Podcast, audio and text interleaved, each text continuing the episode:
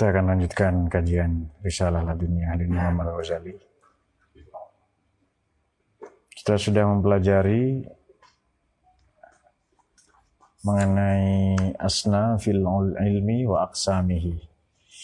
Faslun fi asna fil ilmi wa aqsamihi, ilmu usul dan furu. Kemudian ilmu syar'i pada pertemuan yang lalu. Yang sebelumnya adalah ilmu akli. Baik, bismillahirrahmanirrahim. Faslun fi ilmi sufiyah. Pasal ini menjelaskan tentang ilmu tasawuf.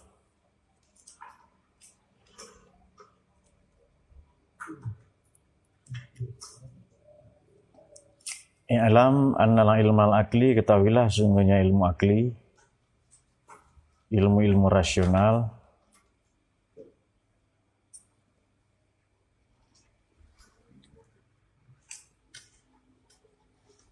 Mufradun ialah mufrad tunggal atau independen pada prinsipnya bizatihi. Namun demikian wa yatawalladu minhu dan terlahir dari ilmu akli itu ilmu murakabun, ilmu yang bercabang-cabang atau banyak sekali varian-varian lain.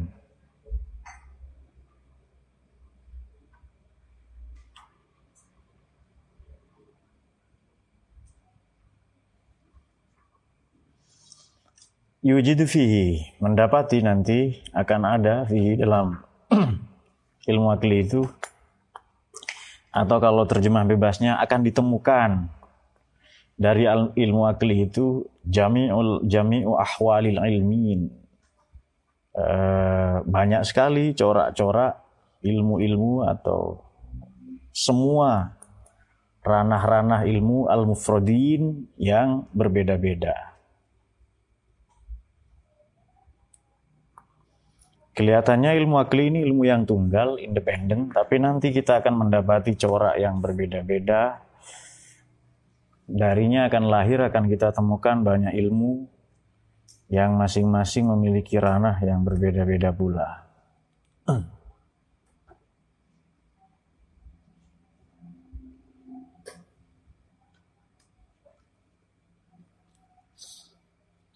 Wadhalikal ilmu murakkabu, adapun ilmu murakkab itu yang tadi bertingkat-tingkat itu adalah ilmu sufiyah. Adalah ilmunya para sufi atau boleh kita sebut ilmu tasawuf ya.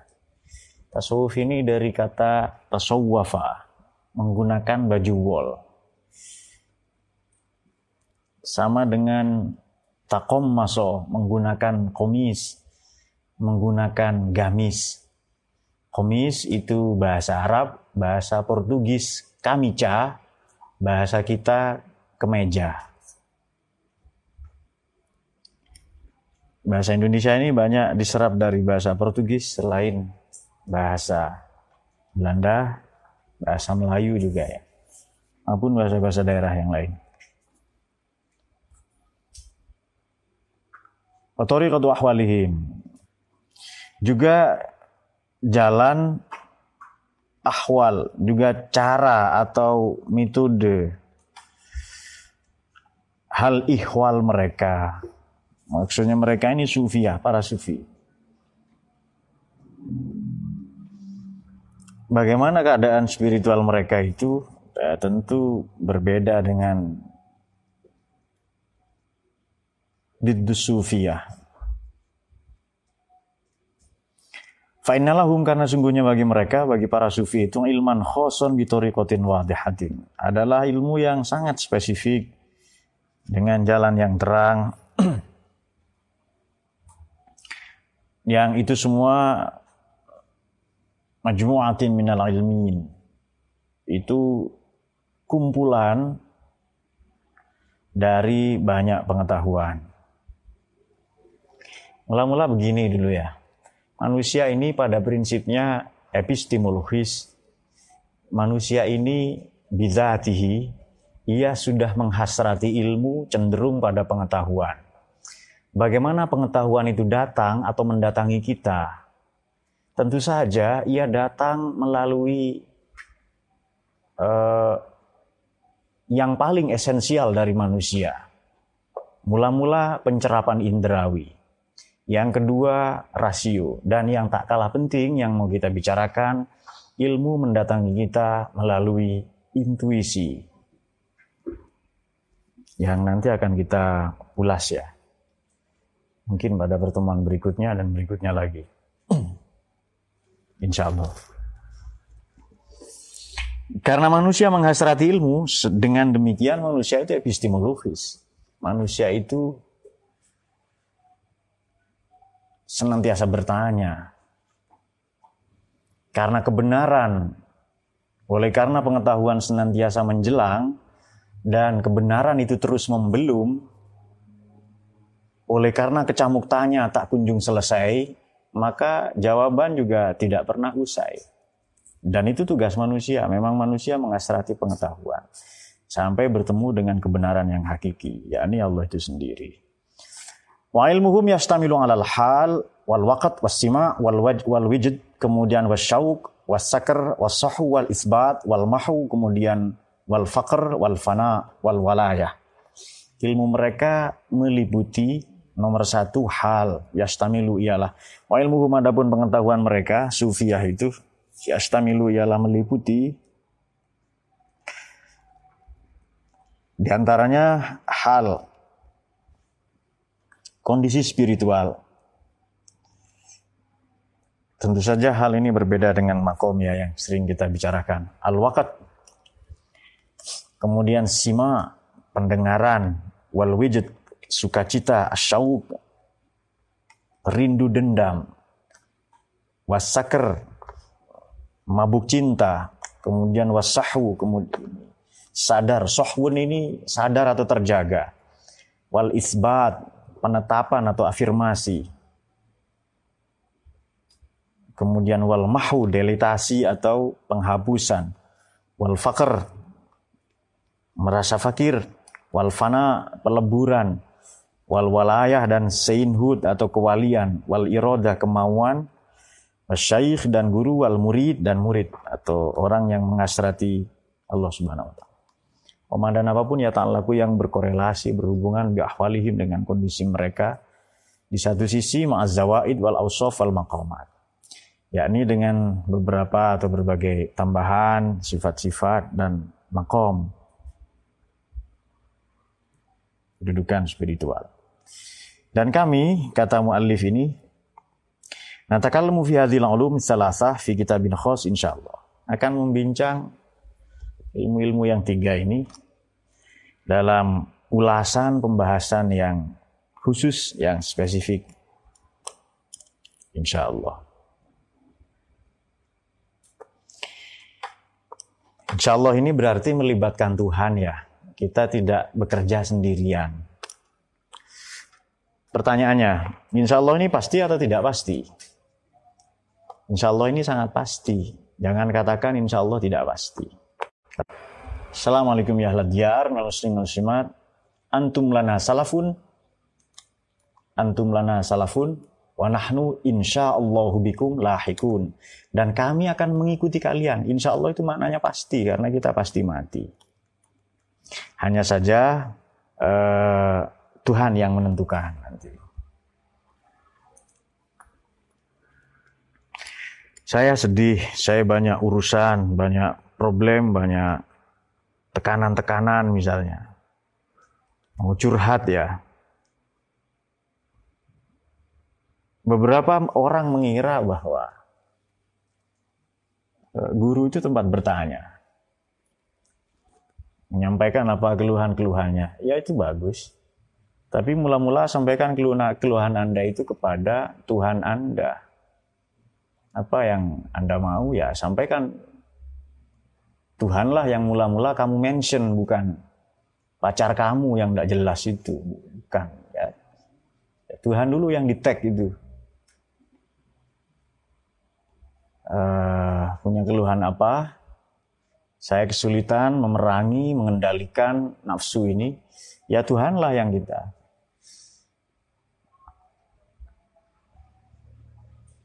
Supaya ada sedikit bedanya ya belajar tasawuf ini. Beberapa di antara kita merasa sok tahu bahwa kita ini bisa atau mampu mengendalikan diri kita sendirian. Mengatasi persoalan ini sendirian. Apalah misalnya pemimpin ya, di rumah tangga, di sekolah, di lembaga, di pesantren. Dia merasa mampu mengendalikan itu sendirian. Tidak. Dia harus meminta pertolongan juga kepada Tuhan. Supaya dia tidak kerja sendirian, nanti capek kerjanya sendirian pun belum tentu berhasil ya.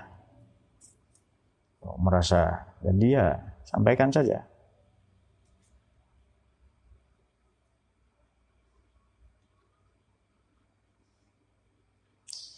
Seharusnya besok, ini ceritanya seorang martir ya, syahid, Syekh Sa'id Ramadan Al-Buti. Besok ini waktunya tugas akhir ya, menyerahkan tugas akhirnya itu. Kalau tidak salah disertasinya. Enggak macam saya yang dijanjikan terus lah oleh teman. Bimbingan juga dicicil gitu ya. Besok ini waktunya menyerahkan tugas akhir itu sebelum sidang, sebelum sebelum sidang munakosah nanti itu. Tidak selesai, masih setengahnya. Dan beliau sedih itu, bagaimana? Maka beliau mengadukan itu kepada Tuhan, kepada Nabi. Malam harinya beliau mimpi didatangi oleh kanjeng Nabi dan Nabi merapikan berkas-berkas kertas-kertasnya yang mau dicetak itu. Tiba-tiba besoknya beliau tidak sampai besok ya, beliau terbangun dan langsung menyelesaikan itu dengan sangat cepat. Kemudian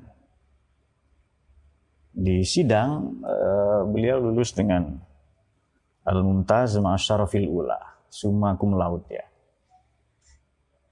Uh, itu salah satu contoh saja lah ya. Orang yang apa namanya tidak merasa sok hebat dan minta tidak merasa butuh Tuhan ya. Nanti kalau sudah sakit sudah menerima persoalan atau tersudut dia mengalami kasus yang pelik dalam hidupnya biasanya dia akan merasa butuh Tuhan bahkan yang paling ateis sekalipun. Baik, kemudian kemudian uh, uh, uh, wal'an laisa qasodna dan sementara ini laisa qasodna illa ta'di illa ta'didul ulu illa ta'didul ulum wa as wa asna fiha fi hadhihi risalah. Uh, sementara ini tujuan kami kata penulis ini ya kata beliau rahimahullah ini tujuan saya atau tujuan kami ini bahasa yang lebih sopan ya. tak lain adalah menyebutkan ilmu-ilmu karakteristiknya wasna fiha coraknya, karakteristiknya fi risalah dalam risalah ini. Wa qad ikhtasarnaha wa adatnaha ala tariqil ikhtisari wal ijaz. Dan sungguh telah telah kami rangkum uh, membuat ikhtisar ya, merangkum siapa kami ya. Ha kepada al-ulum wa asnafiha tadi itu wa'adatnaha dan menyebutkan atau memaparkan kami kepada al-ulum asnabi. Ala tariqil ikhtisar wal ijaz. Dengan pendekatan yang ringkas dan simple atau mangkus dan sangkil ya. Dengan pendekatan yang ringkas dan singkat. Namun demikian, waman aroda, barang siapa, waman dan adapun barang siapa aroda yang menghendaki aziyadah pada tambahan. Kalau mau ada, kalau ada yang menginginkan komplement yang masih kurang, pada ziyadah wa hadhil ulum dan penjelasan atau penjabaran lebih luas dari ilmu-ilmu ini ya silakan merujuk fal yarji ila mutalaatil kutub ada kitab-kitab beliau nanti ya. Walima intahal kalam bila sudah purna selesai al-kalam pembahasan fi bayani ta'didi asnafil ulum dalam uh, ilmu-ilmu atau karakteristik ilmu-ilmu yang saya sebutkan ini maka ketahuilah fa'lam anta yakinan dengan pasti dengan yakin anna kulla fannin min hadhil funun bahwa setiap disiplin dari disiplin-disiplin ilmu ini wa kullu ilmin min hadhil ulum dan setiap ilmu dari ilmu-ilmu ini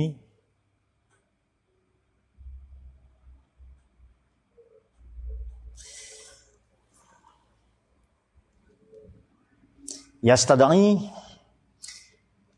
menghendaki iddata syara'id pada beberapa persyaratan lian takisha agar terpatri atau terukir fi nufusit talibin dalam ya menghendaki ini membutuhkan lah ya membutuhkan beberapa prasyarat supaya lian takisha agar terpatri terukir fi nufusit talibin dalam jiwanya para murid. Faba'da ta'didil ulum maka setelah kami paparkan sebutkan ilmu-ilmu maka wajiblah ilmu-ilmu ini yang maka wajiblah yajibu alaika bagimu bagi Anda an ta'rifa turuqat tahsil untuk mengetahui bagaimana cara mendapatkannya. Li tahsilil ilm karena untuk memperoleh pengetahuan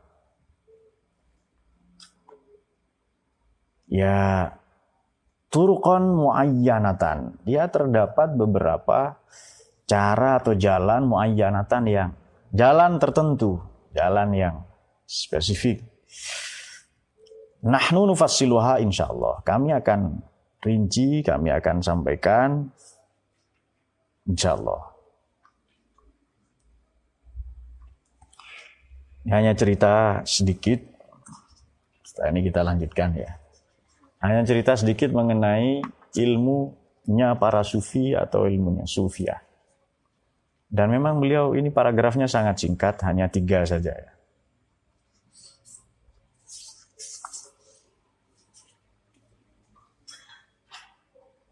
Ilmunya para sufi.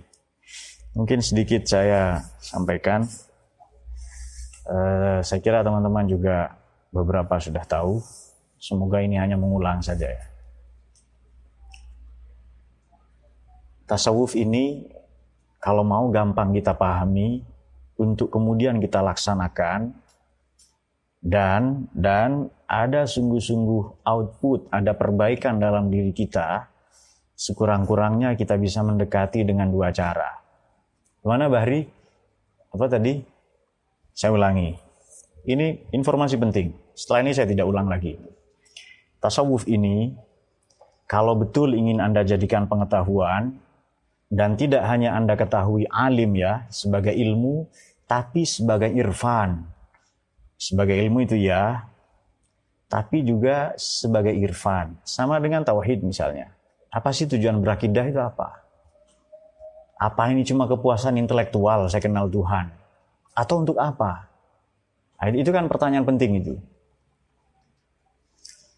Uh, kalau mau kita jadikan dia sebagai ilmu, kita ketahui, tapi tidak hanya ilmu, ia juga irfan, pengetahuan yang paripurna, pengetahuan yang penting ya, pengetahuan yang penting. Uh, sekurang-kurangnya kita bisa mendekati dua hal dengan dua hal. Pertama, ya aspek seperti ini ya, belajar ya. Tapi guru-guru atau kiai ya, guru lah ya, yang mengajarkan ilmu tasawuf ini harus kita perlakukan berbeda. Apa sebab? Hanya dengan cara itu nanti ada perubahan. Saya kasih contoh saja supaya gampang di. Ilmunya ini ilmu yang berbeda, yang istimewa.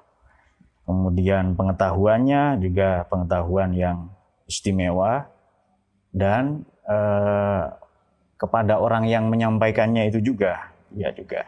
Baik saya ceritakan dua orang. Dua orang mahasiswa lah ya. A dan B misalnya. Dia dari pesantren yang sama. Kemudian lulus dia kemudian belajar di perguruan tinggi. Yang satu belajar di Jogja yang satu belajar di Jogja sebentar dan pindah ke Jakarta. Baik satu ketika dua orang ini datang secara tidak sengaja ke kembali ke alma maternya ke pesantrennya. Eh, dan ikut ngaji. Kemudian supaya mudah saja ya. A dan B. A ini dikenal sebagai dulu ya santri yang sangat pandai lah ya. Ini terpelajar, pandai lah ini ya. B ini biasa. Biasa. B. Mengikuti mengikuti kajian kiai itu gurunya lah ya dua orang ini sama-sama mengerti, sama-sama tahu bahwa yang disampaikannya ini, yang disampaikan oleh kiainya ini, ilmu yang dua orang ini juga sudah sama-sama tahu. Pendek kata, yang disampaikannya ini pelajaran dulu yang sudah sering diulang-ulang. A, murid yang cerdas ini berkata, kok kiai ini nggak upgrade ilmunya ya? Katanya itu. Kok dari dulu ini ini tok katanya itu. Nah, sudah itu pendapat si A. Kemudian pendapat B ini tidak. Alhamdulillah. Akhirnya saya datang ke pondok ini lagi dan saya ngaji lagi. Ini kiai mengingatkan saya bahwa ilmu ini pernah disampaikan dulu. Dia juga ingat betul apa yang disampaikan gurunya bahwa meskipun seribu kali ilmu itu disampaikan, tidak boleh merasa bosan. Kemudian dan B yang murid yang biasa ini tidak istimewa lah ya, bahkan cenderung nakal. Uh, dia meyakini bahwa apa yang disampaikan dulu dengan yang sekarang itu fase yang saya sebutkan tadi, yang dulu itu ilmu, yang sekarang irfan. Jadi yang dulu hanya alim setelah mempelajarinya, yang sekarang arif. Dia mengalaminya. Dia merasa ada sesuatu yang berbeda, ada kebahagiaan yang berbeda, ada sesuatu yang istimewa. Sudah Kemudian setelah belajar itu ngaji di masjid, datang ke kediaman kiai itu dan sowan ya. Nah, kiai ini seolah tahu apa yang dipikirkan oleh A dan B. Dan memang kelihatannya demikian. Ya, ini hanya cerita saja. Tapi ini bisa diverifikasi dan kita jadikan pelajaran. Kemudian kiai itu menyatakan begini. Saya senang kalian semua sudah belajar di perguruan tinggi katanya itu. Sebagian mungkin berorganisasi ya dengan cara-cara kalian. Saya senang kalian belajar di perguruan tinggi. Kemudian eh, saya juga dapat kabar bahwa kalian berprestasi di tempat belajar kalian katanya seperti itu. Kemudian ini ada kalimat dari kiainya yang kemudian membuat dua orang ini sama-sama terpukul. Terutama yang ini yang tadi ya, siswa yang pandai tadi. Menyatakan bahwa seharusnya, ini kata kiainya, kampus itu membuat kamu semakin bijaksana. Bukan kamu datang dan lalu seharusnya kampus itu membuat kamu bijaksana, berwawasan luas, terbuka. Bukan kamu datang dan kemudian kamu menyepelekan alma mater kamu dan merendahkan guru kamu. Padahal ini hanya bicara dalam hatinya, hanya berbisik saja kedua orang. Kiai ini nggak upgrade ya ilmunya, kok itu itu tok dari dulu itu. Padahal boleh jadi situasi yang dihadapi kiainya anak-anak baru belajar, ya kan? Bukan tidak tahu ilmu yang lain, boleh jadi tahu yang lain. Sangat mungkin itu. Mungkin yang dihadapi anak yang ya baru ngaji, baru sebulan, baru dua bulan kok ini tentang Islam, iman, kok ini tok, kok ihsan. Kok nggak filosofis kan, begitu kadang yang diminta. Nah. Ya sudah, kemudian pulang orang itu. Tidak lama kemudian ini mengalami peristiwa yang eh, memalukan di kampusnya. Ini juga mengalami ya kejar-kejaran lah sering hampir di DO juga yang ini. Ini banyak memalukan juga mungkin urusannya dengan perempuan atau apa dan bagaimana. Tapi ini nanti mengalami tidak lama setelah dari sana ini ceritanya ya ini mengalami uh, pengalaman spiritual yang istimewa. Salah satunya dia ya bertemu dengan nabinya lah dengan kekasihnya. Baik saya teruskan. Artinya apa uh, ilmu tasawuf ini ilmu yang istimewa. Bukan semata-mata karena ilmunya, bukan semata-mata karena uh, ia diajarkan langsung oleh Tuhan ya kepada para kekasihnya itu, bukan ia karena harus berdampak kepada akhlak, bukan ia kepuasan batin lah, ma'rifat atau dan sebagainya, tetapi ia ditransmisikan atau sampai kepada kita di masyarakat pesantren sangat jelas ini. Dengan cara murid dan mursyid ya, dengan cara murid dan syekh itu. Ah. Di perguruan tinggi, ini sedikit ya, Anda bisa mengatur dosen. Kenapa? Karena Anda membayar dosen. Bisa ngatur dosen. Seharusnya begini. Meskipun paling nanti diancam nilai saja kan. Tapi anda bisa bisa mengaturnya sedemikian rupa.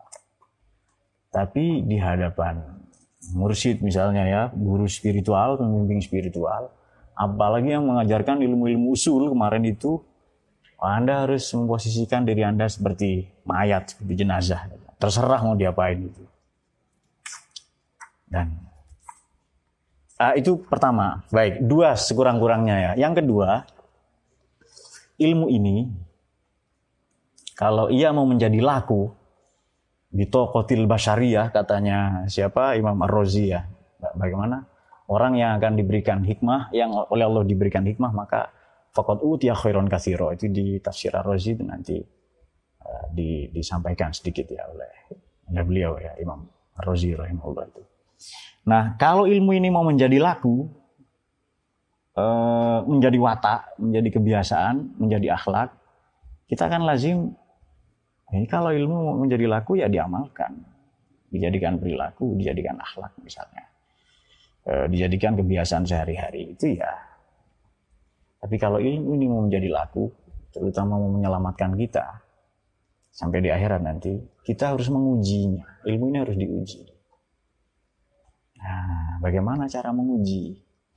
Kalau ilmu-ilmu yang lazim, ilmu yang profan ya bisa diuji dengan alat pengukur dengan ditimbang atau apa yang kemarin sudah dibahas oleh Imam Al-Ghazali.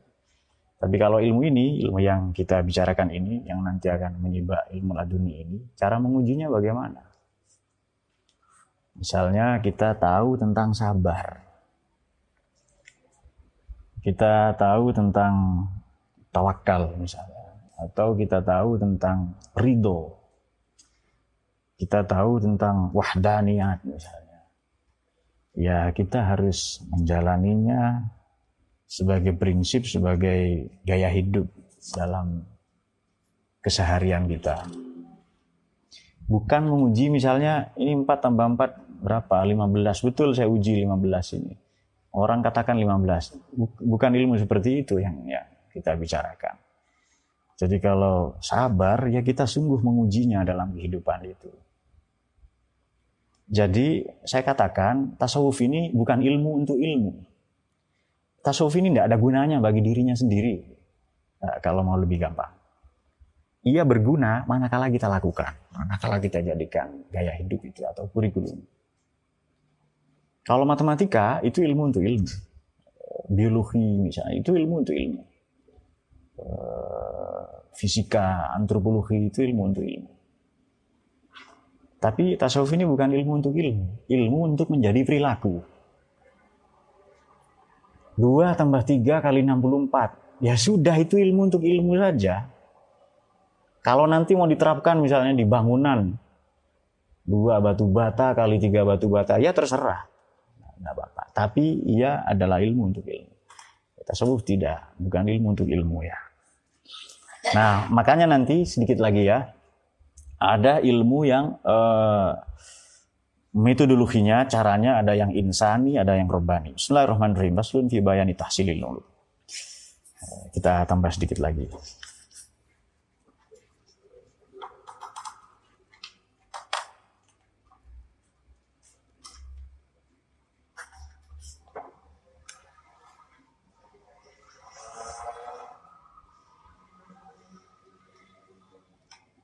Jadi begini, ini datang yang ini berbaik sangka kepada gurunya, karena ini tahu husnudzon itu dari gurunya, ini datang sudah berburuk sangka, karena dia tahu buruk sangka dari kampusnya itu. Nah ini dia. Jadi mana SPD abal-abal? Nah itu dia. Ya, ya kita tahu husnudzon ini dari guru saya. Ya itu yang dipakai. Yang satu tahu sikap kritis lah, sikap kritis. Apalagi itu? Sanksi, kesangsian, clear and distinct itu. Kemudian apa? More itu katanya more itu uh, uh, uh, apa teorinya more di, filsafat itu?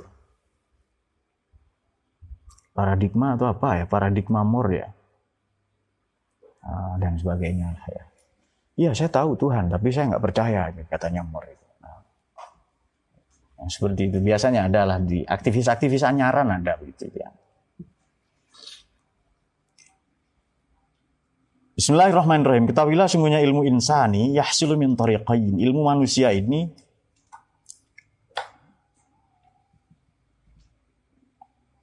atau yuhsalu ia diperoleh dari tariqain, dari dua jalan. Ya satu pengajaran pendidikan insani haduma at-ta'allum al-insani wasani at-ta'allum rabbani. Yang kedua pengajaran langsung dari Tuhan.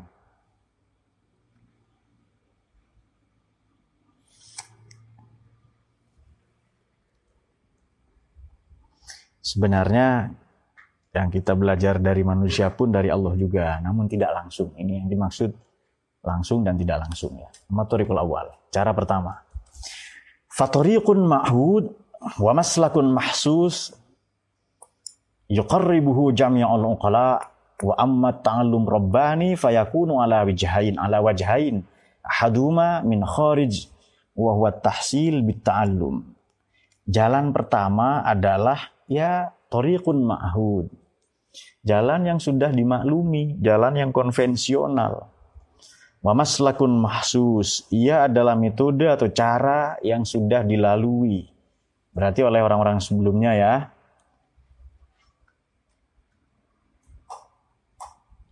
Yuqarribuhu jami'ul uqala. Ia sudah mendekatinya, sudah memperbincangkannya. Jami'ul uqala semua orang-orang yang berpikir atau orang yang cerdas.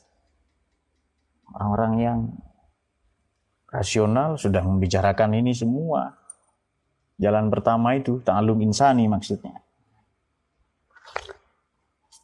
Sementara itu adapun ta'alum robbani, ilmu yang diajarkan langsung oleh Tuhan, fayakunu ala wajhain yang memiliki dua sisi atau dua prinsip. Pertama, min kharij.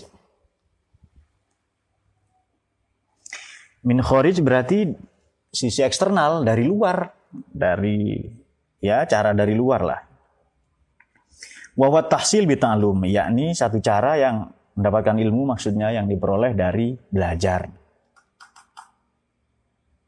Wal akhor min dakhil, dari sisi internal. Kan pertama dari sisi eksternal, yang kedua dari sisi internal. Bahwa al-istighol bitafakkur. Apa itu? Menyibukkan diri dengan tafakkur. Wa tafakkur minal batin. Tafakkur itu dari batin. Bimanzilati ta'alum fi dhohir sebagaimana belajar dari sisi lahiriah. Tafakur ini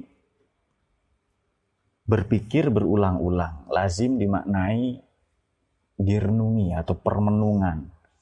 Boleh diartikan demikian ya. Tafakur ini memikirkan berulang-ulang. Tafa'ala ya tafa'alu tafa'ulan.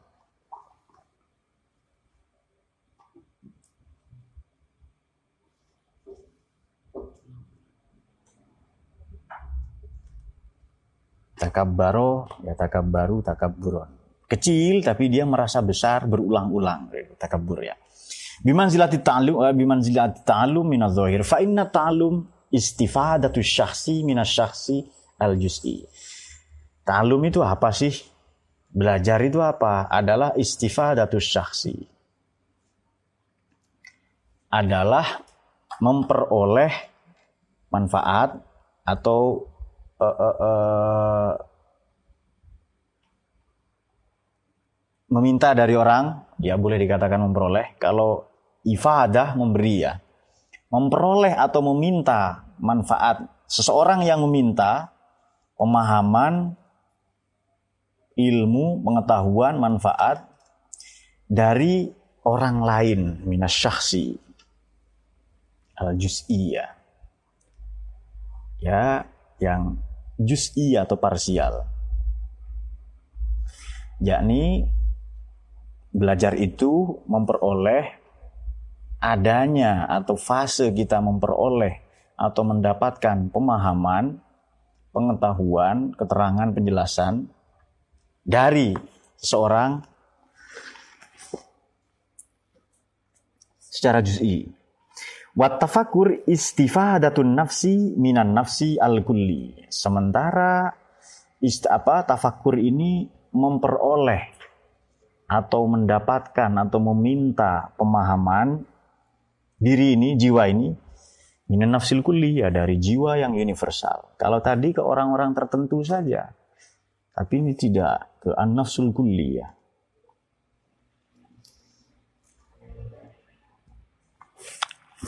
Kata beliau, kata mu'alif ini, rahimahullah, wa nafsul kulli asyaddu ta'siran wa aqwa ta'liman min jami'il ulama wal uqala.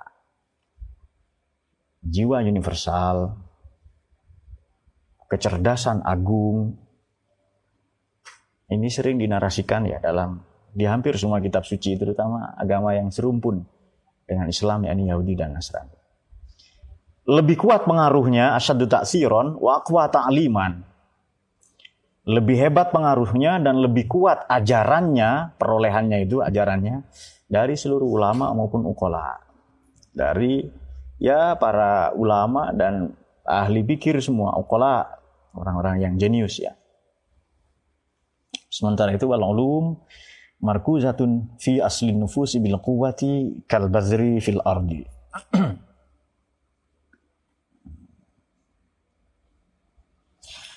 Ilmu-ilmu itu markuzah, dimarkaskan atau ditetapkan fi aslin nufus di pusat jiwa.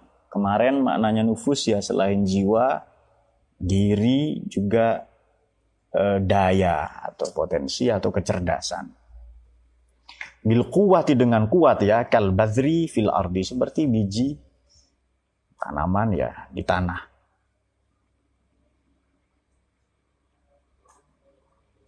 Biji atau benih ya di tanah itu. Wal jauhar fi juga laksana atau ibarat mutiara fi qa'ril bahar di dasar lautan. Wah, dalam sekali ya. Au fi qalbil ma'din atau di inti bumi atau di inti tambang. Ya bisa ratusan meter ke bawah tambang ya. Sementara itu ajaran wa ta'allum huwa talabu khuruju dzalika syai' adalah upaya atau usaha untuk mengeluarkan sesuatu itu, mentransmisikan, lebih tepat, minal kuwati ilal fi'li, dari yang potensial, dari yang potensial menuju aktual, dari potensial menuju aktual. Ta'lim, pengajaran atau pendidikan, wa ikhrajuhu minal kuwati ilal fi'li. Mengeluarkannya atau mentransmisikannya, ejawantahkannya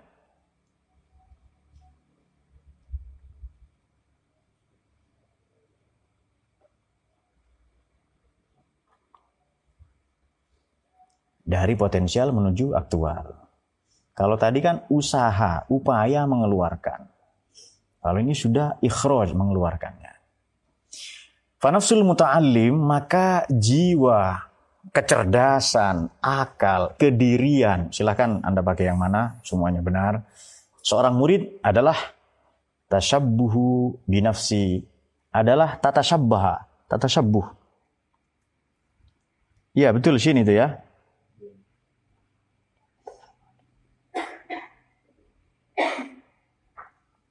Ya betul fil mudhara ini. Tasyabbaha ya tasyabbahu. Tasyabbuhu. Tatashabbuhu ialah serupa binafsil muallim. Ya serupa dengan jiwa, karakteristik, kecerdasan, akalnya maupun kedirian sang guru.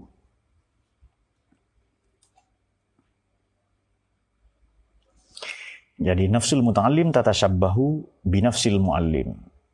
Jiwa, kecerdasan, cara berpikir, kedirian seorang murid adalah gambaran atau serupa adalah fotokopi, adalah citra dari jiwa, pemikiran, kecerdasan, kedirian seorang. Kenapa watataqarrabu ilaihi bin nisbah? Dan ada ikatan batin antara keduanya. Nisbat ya ada dinisbahkan keduanya. Fal alim bil ifadah kazzarno. Ya, orang berilmu, ilmuwan bil ifadah manakala dia memberi manfaat dengan ilmunya, pemikirannya, eh, kiprahnya, perjuangannya, sepak terjangnya di masyarakat kazzarro seperti petani.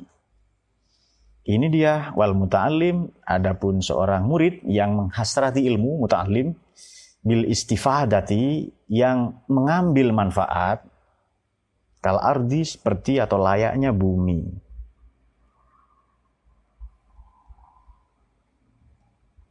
Ustadz Yani dan Ustadz Habib dan Gus Heri mana? Nah, itu pasti menganggap ini kok anu ya, kok mirip ayat-ayat anu ini. Pasti begitu. Ya, harsul lakum yang gitu-gitu itu loh. Fa'tu harsakum nasyid. Pasti begitu itu bayangannya. Sedikit lagi. Walaimul ladzi wabil kuah kalbazar. Adapun ilmu yang diperoleh dengan kuah tadi, potensial, seperti biji. Misalnya kita biji semangka, belum kelihatan semangkanya. Biji kelengkeng, ya nanti mungkin dua tahun, mungkin tiga tahun. Ya seperti biji tadi itu. Belum, belum ketahuan. Kalau Anda menanam 100 kacang ya, biji benihnya itu, bibitnya itu di dalam tanah, lalu Anda membukanya besok, apa yang akan Anda dapatkan? 100 kacang tanah basah. Kalau Anda menunggunya dua bulan, mungkin 20% saja yang Anda punya. Karena 40 persennya dimakan burung, tikus, dan ulat, 40 persennya terserang hama. 20 persen itu milik Anda. Anda bertanya, hidup ini kok nggak adil? Iya begitu hidup. Kok banyak cobaannya Pak? Ya memang banyak. Kalau sedikit namanya cobain, dan cobaan. Biasa hidup itu. Anda sudah tahu gayanya hidup lah itu. Sudah tahu algoritmanya ya. Ya dunia ini sudah berpura-pura kepadamu, maka kau tidak perlu jujur lagi kepadanya. Isinya dunia itu apa? Nomor satu pacar, dan nomor dua pacar, nomor tiga pacar yang arrojim, ya syaitonir rojim. Isinya tiga itu. Berlaku nggak untuk dayat ini? Apalagi untuk dayat, gitu. Falahuddin juga. Betul ya? Ada tantenya di sini. Ada yang dipanggil tante. Sedikit lagi ya sebelum nanti mungkin. Waladhi bil fi'al sekarang yang aktual atau aktuil. Apa itu kan nabat? Seperti benih yang sudah tumbuh. Nabat ini tanaman kecil. Tadinya benih, biji saja, tapi sekarang sudah tumbuh. Kalau potensial belum, masih biji saja. Faida kamulatin nafas, faida kamulat nafsul muta'alim, kalau sudah sempurna, jiwanya murid ini, jiwanya, akalnya, hatinya kemarin banyak maknanya nafas ya takunu kasyajarah al musmaroh Al-musmir, maaf, maaf al-musmiroh. Ya seperti pohon yang sudah berbuah, au kal jauhar al-kharij min qa'ril bahar. Atau seperti mutiara yang sudah keluar atau diambil dari dari saking telengi segoro min, min qa'ril bahar. Dari uh, apa? Apa tadi maknanya? Apa? Dari dasar hati, oke. Okay. Dari dasar samudra, ya. Ya, pokoknya dari dasar sebenarnya maknanya tengah ya. Jadi dasarnya lautan gitu. Wa idza ghalabatil quwa al badaniyah ala nafas kalau sudah mengalahkan kekuatan badani ini kepada nafas diri ya kekuatan badan sudah mengalahkan diri kita, kecerdasan, eh, akal, hati, maka yahtaju membutuhkan. Maka dijawabnya idza ya yahtaju siapa al muta'allim murid itu ila ziyadati ta'allum wa tulul muddah. Ya dia butuh pada tambahan tambahan pelajaran tambahan ajaran pelajaran kurikulum mata pelajaran dan waktu yang lama. Serta watahmilul masyaqqah wa dan menanggung masyaqqah kepayahan wa ta'ab dan kelelahan. Syakota wa kemudian ya talabal faidah dan dia mencari kepada manfaat atau faedah. Wa idza ghalabat wa idza ghalaba nurul aql ala awsafil his kalau sudah nurul nurnya akal ini menguasai ghalaba ya, mengalahkan maknanya menguasai. Kalau sudah nurnya akal ini menguasai pada seluruh sifat-sifat his ya kepada kepada uh, indra atau rasa maka yastagni at-talib cukuplah murid itu biqauli tafakkur kalau sudah nurnya akal ini sudah sumerambah sudah mengalahkan rasa indra ya maka cukuplah bagi si murid ini biqauli tafakkur sedikit saja tafakkur. An kasrati ta'lum daripada banyak belajar. Fa'inna nafsal qabil karena nafsu, jiwa, hati, lebih tepatnya hati dalam ini mungkin, yang sudah siap menerima pelajaran, al-qabil yang siap menerima ilmu, nah, sudah sudah dibersihkan ya. Tajid minal fawaid bitafakkuri sa'atan ma la tajidu nafsun nafsul jamid bita'allumi sanatan. Ia akan mendapati faidah-faidah, manfaat-manfaat, pengetahuan-pengetahuan dengan berpikir sejenak, sesaat. Yang sering adzan maghrib kayaknya ya, saat adzan maghrib.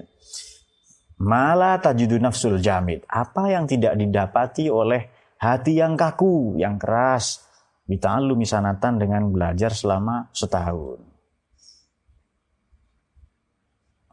Kalau begitu, Faizan maka oleh karena itu yahtaju ah ba'dun nas sebahagian orang hasil hasil yuhasilunal ulum memperoleh pengetahuan bita'alum dengan cara belajar dan sebahagian lagi dengan merenung tafakur ya. Pelajarannya sedikit belajarnya maksudnya begini ya. Membaca menulis diskusi ada lagi yang datang nanti ke kamarnya direfleksikan. Jadi sebenarnya manusia ini punya laboratorium nilai dalam dirinya. Jadi ditulis di buku tersesat di pinggir di pinggir kamar ya, kamarnya jin ini. Tersesat di pinggir jalan itu di buku itu disebutkan manusia ini punya laboratorium nilai. Apa yang kita tahu harus mengalami pengendapan Kalau tidak diendapkan, nah ini seperti milenial. Ya asal tahu saja, tahu bla bla bla ya.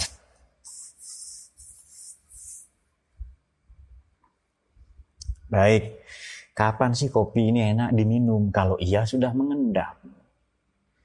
Kapan misalnya air kotor itu akan nampak jernih? Ya kalau ia sudah mengendap.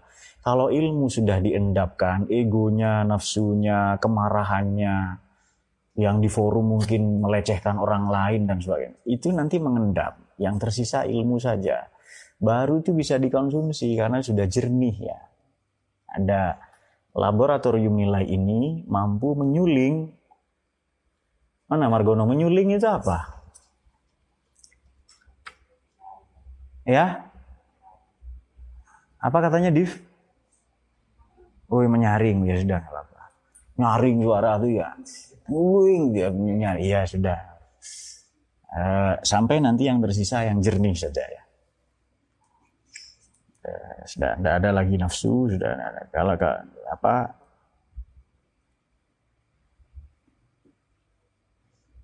maka di pondok ini ada tradisi tolaah ya. Kemudian kemudian uh, uh, uh, ta'lum yahtaju ila tafakur. Ya, ta'lum itu sudah pasti. Fase yang kedua merenungi, merefleksikan, mengendapkan. Final insan karena sungguhnya manusia layak diru an ayyata'allama jami'al asya tidak akan mampu kita ini, manusia ini belajar semua perkara, semua hal. Al-juz'iyat wal kuliyat. Ya, baik yang juz'i maupun yang kuli.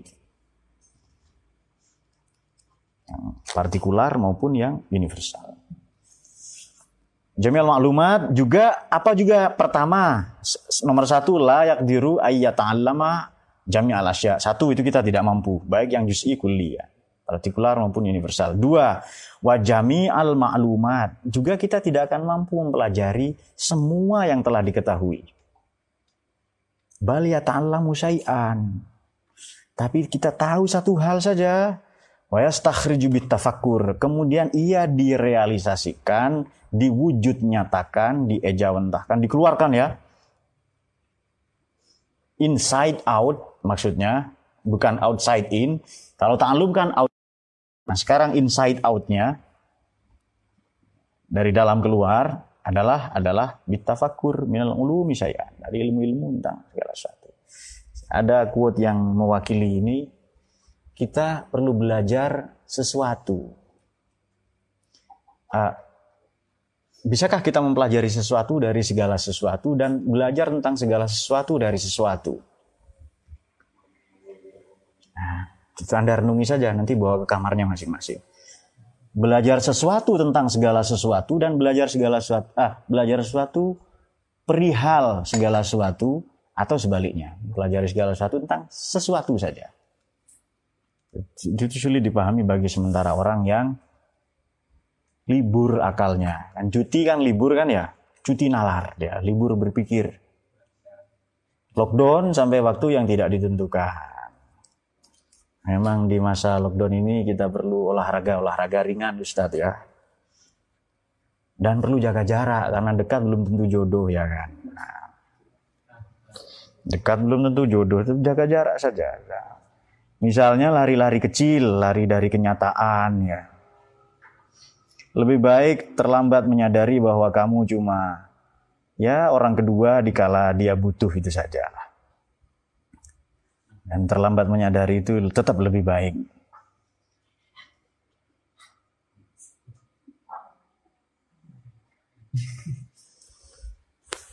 Uh, yang kedua itu kita tidak akan mampu uh, bal ya ta'allamu syai'an wa yastakhriju bitafakkur minal ulumi syai'an. Ini yang tadi kita. Justru yang penting itu wasarun ulum nazariyah dan kebanyakan ulum ilmu-ilmu yang teoritis itu wassona'i dan industri-industri al-amaliyah yang praktis ya yastakhrijuha nufusul hukama ya itu sudah dicapai semua oleh hatinya jiwanya kecerdasannya para filosof bisof bisifai dhahnihim dengan hati mereka yang jernih wa quwwati fikrihim dan kekuatan pikiran mereka wa haddati hadisihim dan ketajaman atau akurasi perkiraan mereka hitung-hitungan mereka min ghairi ziyadati dengan tidak menambah belajar wa tahsili dan memperolehnya. Walaula annal insan yastakhriju bitafakkur syai'an eh, seandainya seandainya manusia ini tidak mampu ya, tidak mampu mengeluarkan sesuatu maknanya mempelajari, mengangkat ke permukaan menjadi pengetahuan dengan cara berpikir mengenai satu hal min maklumihil awal dari yang yang diketahuinya itu yang pertama, laka nama niscaya ya tulul amr ala nas. Kalau begitu ya tulul amr. Kalau begitu urusannya jadi panjang nanti. Oh, dia satu hal saja tidak mampu diangkat apalah ya. Dia tidak mampu melakukan teknik inferensi. Silogisme dasar. Dia tidak mampu mengangkatnya menjadi kesimpulan. Wah, dia butuh waktu yang lama. Dia berpikir ini belajar tasawuf pakai term fikih misalnya. Belajar fikih tapi pakai term fisika. Ya, itu juga. Anda butuh waktu yang lama untuk alanas bagi orang. Wala makana tazulu zulmatul jahl anil, anil qulub. Oh ya, walima. Wala. Bagaimana? Walama. Pasti tidak Oh iya betul. Pasti tidak akan hilang apa kegelapan atau kebodohan dari hati manusia.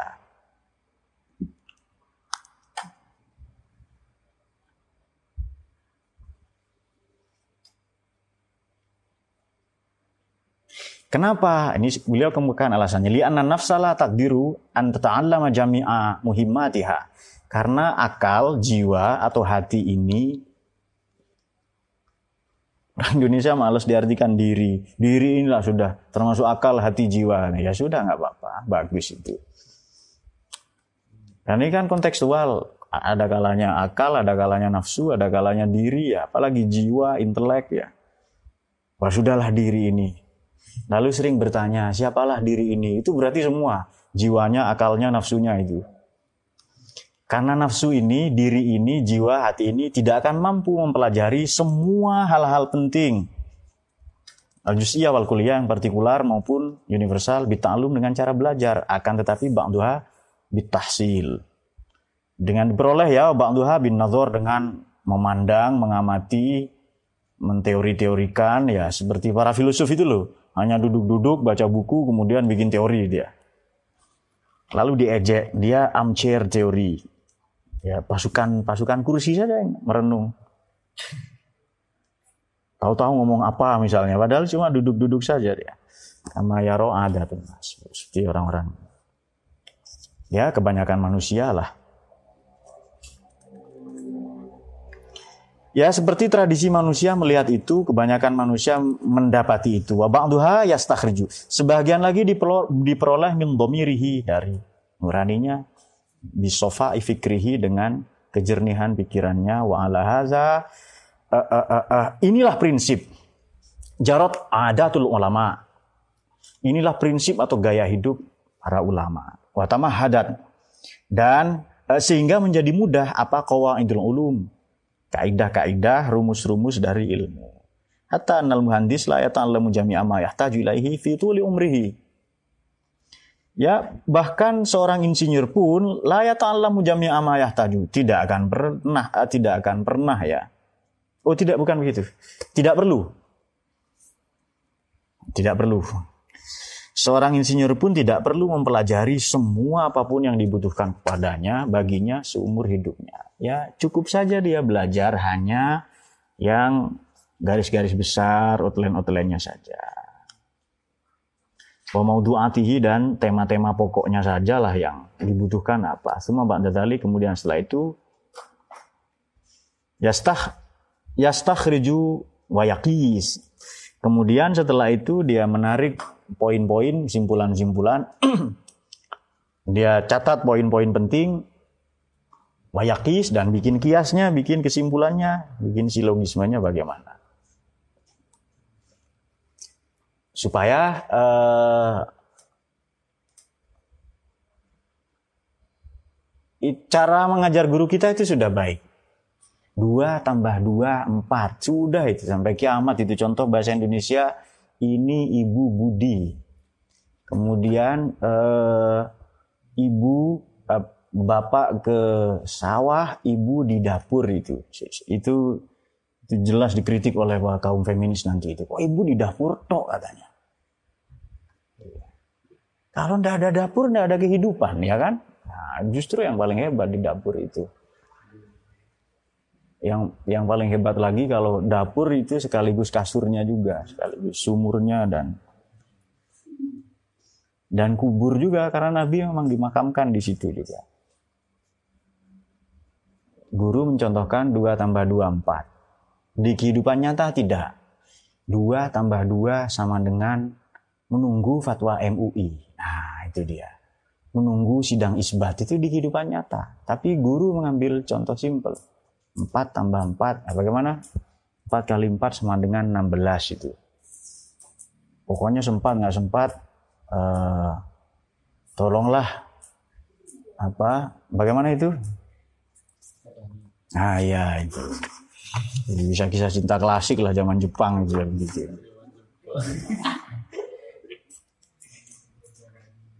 Apa? Ya, sempat atau tidak sempat, tolonglah hati saya ini jangan ditindas lah kira-kira seperti itulah itu. Nah di sini teman-teman perlu mencatat sekurang-kurangnya tiga. Pertama, tadi kan dikatakan ilmu ada robani, ada insani. Beliau hanya membahas mula-mula, uh, beliau memberikan gambaran secara gampang, radhiyallahu an, rahimahullah ini secara gampang, bahwa ilmu insani kita sudah tahu di sekolah-sekolah, di lembaga-lembaga kursus, di tempat-tempat yang ya lembaga-lembaga pendidikan lah yang lazim itu. Sementara taklum robani ini ada dua prinsip, itu catatan pertama. Catatan yang kedua, ilmu robani ada dua prinsip, eh, yakni memperoleh pengetahuan itu jadi eksternal, ada juga internal, minat dakhil ya. Wawa al-istiwal bitafakur. Tafakur ini sesuai makna katanya ya, menjadikan bahan pikiran dan mengulang-ulangnya. Tafakur itu bukan sekali, bukan sekali, mengulang-ulang. Bukan bukan sekali itu ya. Jadi dia mengulang-ulangnya, kemudian eh, apa namanya sampai sampai dia mendapatkan pengetahuan baru atau pemahaman. Jadi misalnya buku ini sudah nanti dipelajari di kamar kalian masing-masing mengendap menjadi ya, pengetahuan ya. Uh, juga juga uh, uh, uh, apa tadi menyibukkan diri dengan tafakur. Tafakur itu dari dalam, laiknya ta'alum ya, belajar dari aspek lahiriah, pencerapan indrawi dan macam-macam. Kemudian kemudian ta'alum itu istifadatus syakhsi minas syakhsil juz'i wa tafakur istifadatus nafsi minas nafsil kulli. Ini bedanya.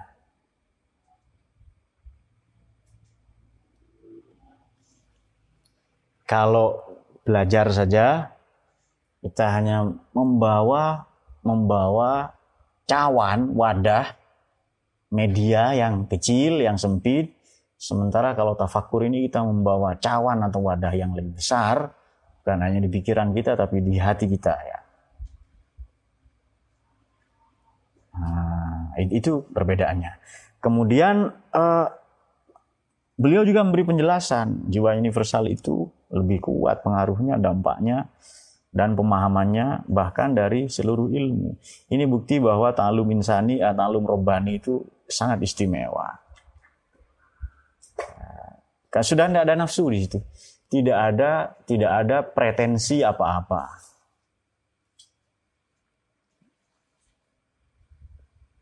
Taklum insani banyak, banyak sekali itu.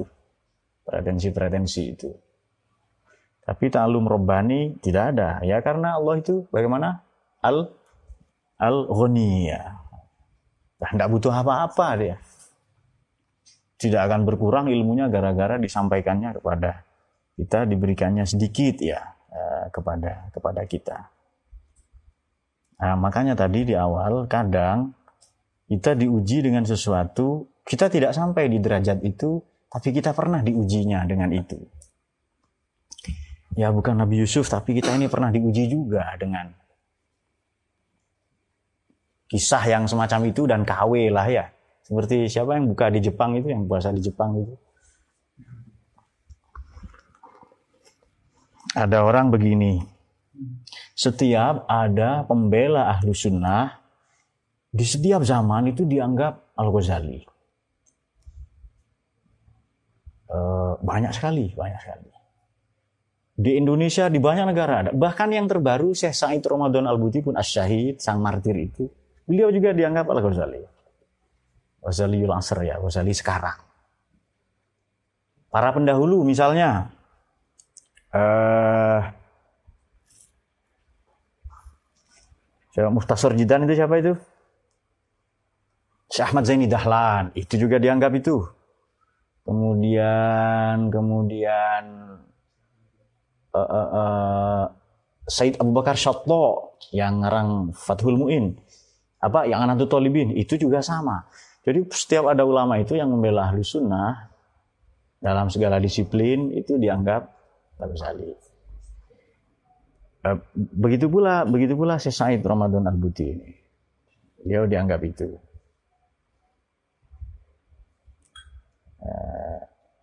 Lalu beliau bikin pernyataan begini sehari yang dilalui oleh Imam Ghazali itu jauh lebih penting, jauh lebih bermakna daripada seluruh umur saya atau usia saya ini.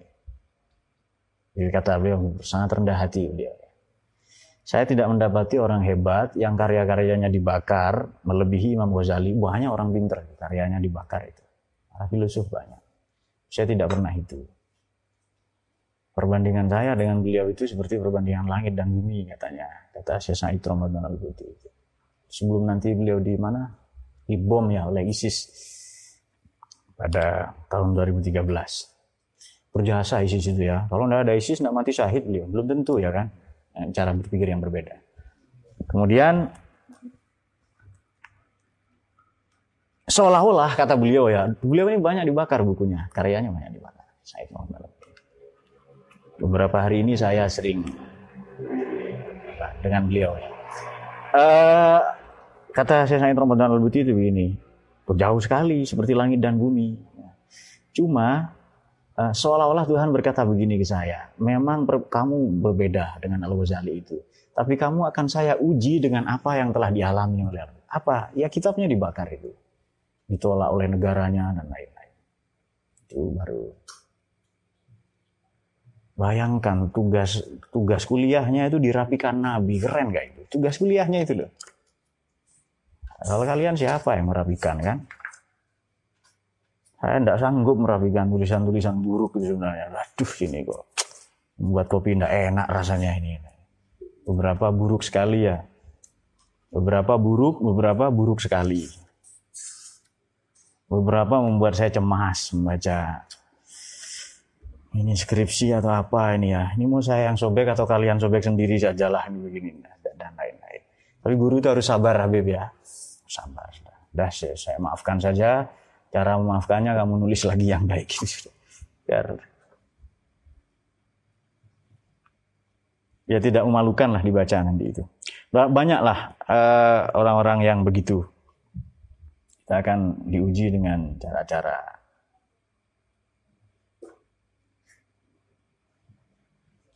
Allah alam bisawab. Baik itu saja. Silahkan kalau ada hal-hal yang mau kita diskusikan.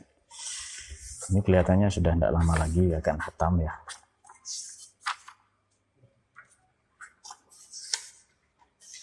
Sebenarnya sedikit lagi ya, ya sudah Allah alam di situ aja. Dokter itu nggak apa-apa nyambung berikutnya nanti.